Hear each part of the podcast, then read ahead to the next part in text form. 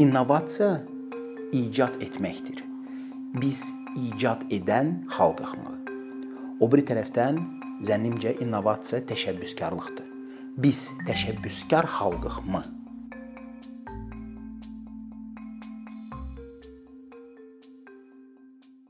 Dostumuz Cəsur Həsənov Əkinçi kanalında innovasiyalar barədə danışıb. İnnovasiyaların texniki, texnoloji tərəfindən. Mən bu gün istəyərdim innovasiyaların mənəvi, mentalitet tərəfindən danışım. Bu gün mən əslində öz fikrimi ortaya qoymayacağam. Mən çətin, sərt suallar da olsa, istəyirəm öz fikrimi çatdırım, ürəyimdə olan sualları verim və əkinçinin izləyiciləri, bizi izləyən adamlarla bir yerdə bu suallara gəlin çalışaq cavab tapaq. Sualım ondan ibarətdir ki, bizəmi innovasiya yaraşır? Bizə dedikdə mən ölkəmizdə bütün yaşayan insanları nəzərdə tuturam. Rus olsun, erməni olsun, yəhudi olsun, Azərbaycanlı olsun, fərq yoxdur. Bu bizik. Bu torpaqdan biz bəhrələniriksə, bu bizik. Və bizəmi innovasiya yaraşır? Baxın, innovasiya nəsə yeniləmə, nə isə dəyişdirmək deməkdir. Biz xalq olaraq, millət olaraq bu dəyişikliklərə hazırıqmı? Biz xalq olaraq belə bir dəyişikliklərə, dəyişikliklərə meyllikmi? İnnovasiya həmçinin də hansısa bir sistemli dəyişiklik deməkdir. Biz yenə də deyirəm, biz hamımız sistemi dəyişmək hazırıqmı? İstəyirikmi bunu? İnnovasiya icad etməkdir. Biz icad edən xalqıqmı?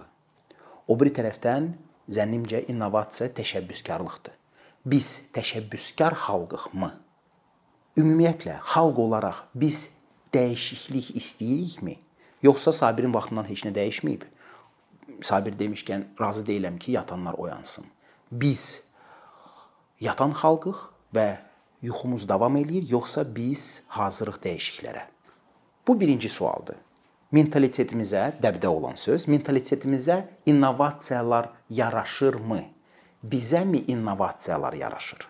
İkinci məsələ. Bir əhvalat sizə danışım.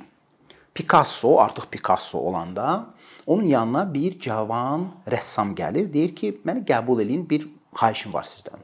Deyir, buyur oğlum, nə məsələdir? Cavan rəssam qoyur Picasso-nun qabağına bir e, rəsm. Picasso deyir, oğlum, bu nədir? Deyir, "A, görmürsüz, bu atdır. Belə kubizmdə zətdir."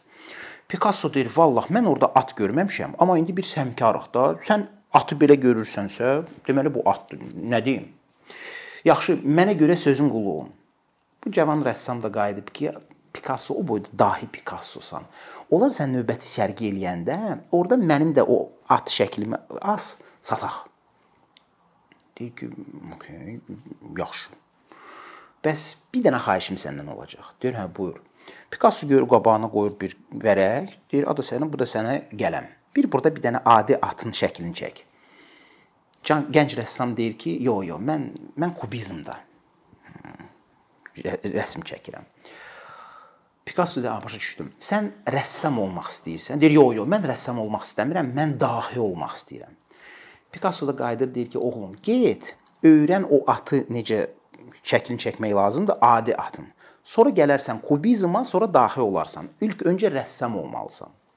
Sözümün canı nədir? İndi mən sualı biraz başqa cürə qoyacağam. Bizə innovasiyalarmı yaraşır?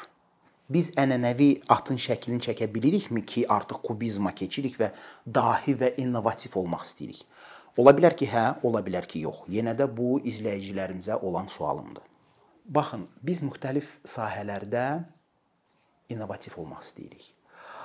Amma həmin sahələrdə biz təməlini düz qoymuşuqmu? Biz indi bəlkə ola bilər ki, innovasiya dəbdədir və biz çalışırıq o cavan rəssam kimi atı istədiyimiz kimi şəklini çəkək deyək ki, bu innovasiyadır. Bəlkə təməli hələ qoyulmayıb, qorxmuruqmu ki, o bataqlıqda nəsə təzə bir şey qururuq və innovasiya ilə bir yerdə batıb gedəcəyik. Üçüncü məsələ Mən belə bir fikir eşitmişəm ki, bilmirəm nə qədər düzdür, yanlışdır, belə bir fikir eşitmişəm ki, innovasiya yalnız böyük və liberal iqtisadiyyatlara lazım olan yaxud da həmin iqtisadiyyatlarda bir çağırışmı deyim, dəb deməyim, tələbatmı deyim. Yəni innovasiya böyük və liberal iqtisadiyyatlara lazımdır. Belə bir fikir var. Bu fikir düzdürsə, sualımı belə qoyum. Bizəmi hazırki durumda innovasiya yaraşır? O da sualdır. O birincisi biz bilmirik. Biz sosializmik, kapitalizmik yoxsa bazar iqtisadiyyatıq. Bu birinci. İkinci, o bazardakı təhsil sistemi bizneslərlə təmasda deyillər və bizneslara lazım olmayan minlərlə mütəxəssisləri təhsil sistemi bazara çıxardır və onlar qalırlar ki, bazarda biz lazım deyilik, biz edək? Bu ikinci məsələ. Üçüncü məsələ biznesin, bu biznesin əsas məqsədi nədir? Baxsın ki, müştərilərə, potensial müştərilərə nə lazımdır və o tələbatı ödəyərək pul qazansın. Bizim iqtisadiyyatımız hal-hazırda müştəri yönümlüdürmü? Onun üçün ki, innovasiya necədir? ənənəvi bazardan fərqli olaraq o fikirləşir ki, yaxşı, bu müştərilər bilmir onlara nə lazımdır. Mən gəl icad edim belə bir şey, sonra da hamısına satım ki, a belə dəbdi bir şeydir, bilmirəm, nə bilim, şey simsiz nauşniklar, nə bilim nəsə, onlar heç bilmirdilər bu nədir. Onların təməli a, müştəri yönümlülükdür. Onlar bilirlər müştəri nə olsun. Yaxşı bilirlər nə müştəri istəyir. Ondan savayı deyirlər ki, gəl məsələn bunu da verin, bunu da verin. Bu başlayır bazara bunu nəyisə çıxartmaq, yeni trendlər yaratmaq və s. Bizim iqtisadiyyatımız bu gün təməl olaraq müştəri yönümlüdürmü? Biz nəyisə hansısa biznesi görürük ki, bazarda yeni biznes başlayır. Biznes araya çıxıb. Bu biznes nəyin tələbatının üstündə yaranıb?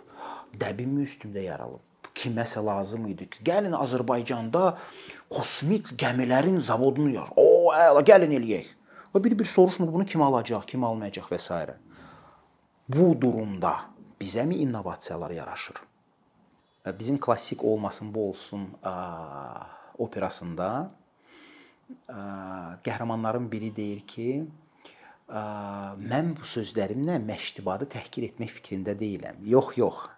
Həqiqətən mən bu suallarımla, bu fikirlərimlə innovasiya sahəsində çalışan, müxtəlif addımlar atan insanların işini alçatmaq fikrim yoxdur.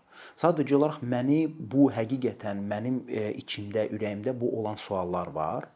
Ola bilər ki, mən bu sualların cavablarını əkinçi kanalların və bizim videomuzun izləyicilərdən alım yadımızdan çıxartmayaq ki, əslində YouTube video deyil, bu sosial şəbəkədir və sosial şəbəkədə mənim kimi insanlar çıxırlar, öz suallarını verirlər və izləyicilərdən, followerlardan cavab alırlar.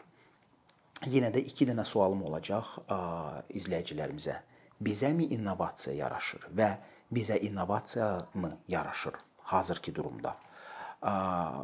Çox ə, böyük ə, səbirsizliklə gözləyirəm ki, bu video çıxsın və mən dərhal oturacağam və bir-bir baxacağam ki, kommentariya, şərhlər hissəsində izləyicilərimiz ə, nə yazacaqlar. Onun üçün ki, ə, həmin sualların cavablarını biz tapan kimi biz biləcəyik ki, hansı yolda necə addımlayaq.